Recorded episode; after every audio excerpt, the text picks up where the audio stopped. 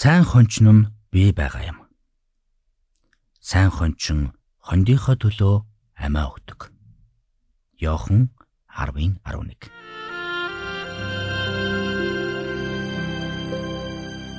Мэргэний сонсог, мэдлэгийн тэлэг.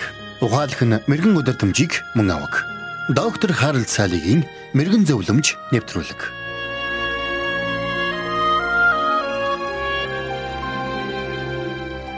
Иш үзүүлэгч Исая хэлэхдээ тэр хончны ёсоор сүргээ харуулж мутартаа хургнуудаа цуглуулan ингэртэ тэврээд хөхүүлийг нь зөөлөн хөдлөн гэсэн байдаг.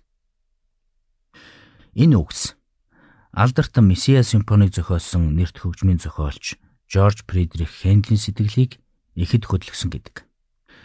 Иш үзүүлэгч Исая Христийг мэдлэхээс 700 гаруй жилийн өмнө амьдарч байсан ч Түүний тухай өгүүлсэн хончны тухай зураглал одоо ч хүмүүсийн сэтгэлд ойр хэвээр байна.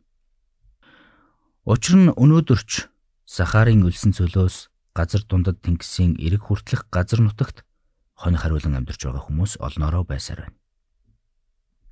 Байгалийн эрсдэс уур амьсгал дунд эзгүү зилүүд газарт олон цагаар хонь хариулан амьдрна гэдэг хэр баргийн хүний хийж чадах зүйл биш.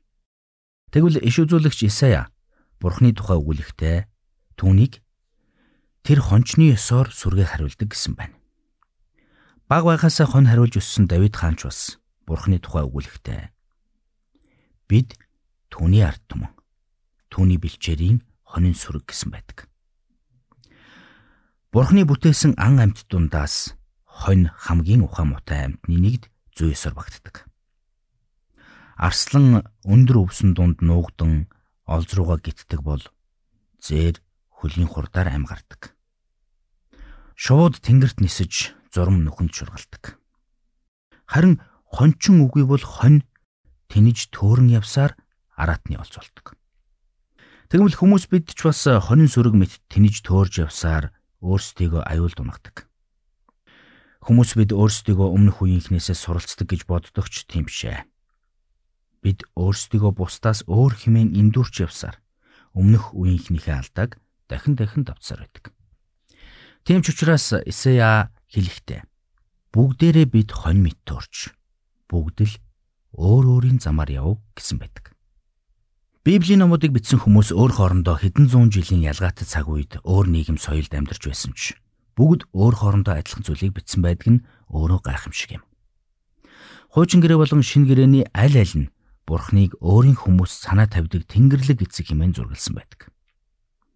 Бидний бүтлгүйтэл алдаа дутагдлаас үл шалтгаалаад Бурхан эцэг маань биднийг хайрласаар байдаг. Биднийг Бурханаас холдон төөрч одох үед тэр төөрсөн хонин сүргээ эрен хайж байгаа хончин мэт биднийг хайсаар байдаг. Тийм ч учраас эзэн Есүс нэгэнтээ 99 хонио орхиод төөрсөн ганц хоньныхоо хойноос явсан сургаалт зөвлөлийг өгүүлсэн байдаг.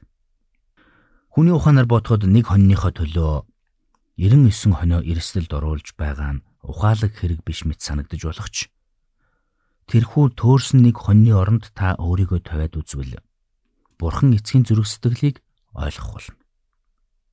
Тэгвэл таны зүрх сэтгэлийн хончин болсон бурхан эцэгч нь өнөөдөр ч гэсэн таныг ирэн хайсаар байна.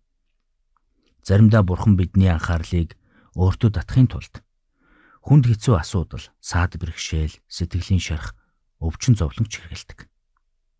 Тэр цагт бид бидний амьдралд хэрэгтэй байсан цорын ганц орц бол бурхантай харилцах харилцаа байжээ гэдгийг ухаардаг. Тиймээс бидний зүрх сэтгэлийн хончин болох бурхан эцэг маань биднийг өөрийнхөө гэрлүү хөдлөн дагуулдаг. Эцгийнхээ хүсэл зоригийг эсэргүүцсэн өөрийнхөө замаар явж дэвэн дэлхийг хэсэж явсаар эцэст нь хоосорч дартагтаа тулаад эцэгтэй эргэн ирсэн нэгэн хүүгийн тухай сургаал зөвлөлийг Есүс ярьсан байдаг. Энэхүү төөрсөн хүүгийн тухайд сургаал зөвлөл бол төөрөн удсан бидний хайрлсан Бурхан эцгийн хайрыг илэрхийлсэн сургаал зөвлөл юм. Үнэн дээр энэ сургаал зөвлөл бидний хувьд хамгийн гайхамшигтай сайн мэдээ юм. Учир нь бид Бурханаас холдон хаашаач төөрөн утсан бай. Хэр хол явсан бай хамаагүй. Бурхан эцэг маань биднийг хизээд өөрийнхөө гэрлүү хөтлөн дагуулах болно. Тэр мотортаа хургнуудаа цуглуулan ингэртэй тэрвэрэд хөхүүлийг нь зөөлөн хөтлөн гэсэн байдгийг та хизээд санаарай.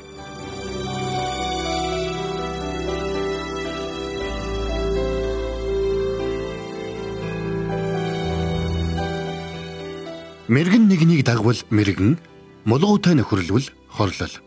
Доктор Харалт Салигийн мэрэгэн зөвлөмж нэвтрүүлгийг танд хүргэлээ.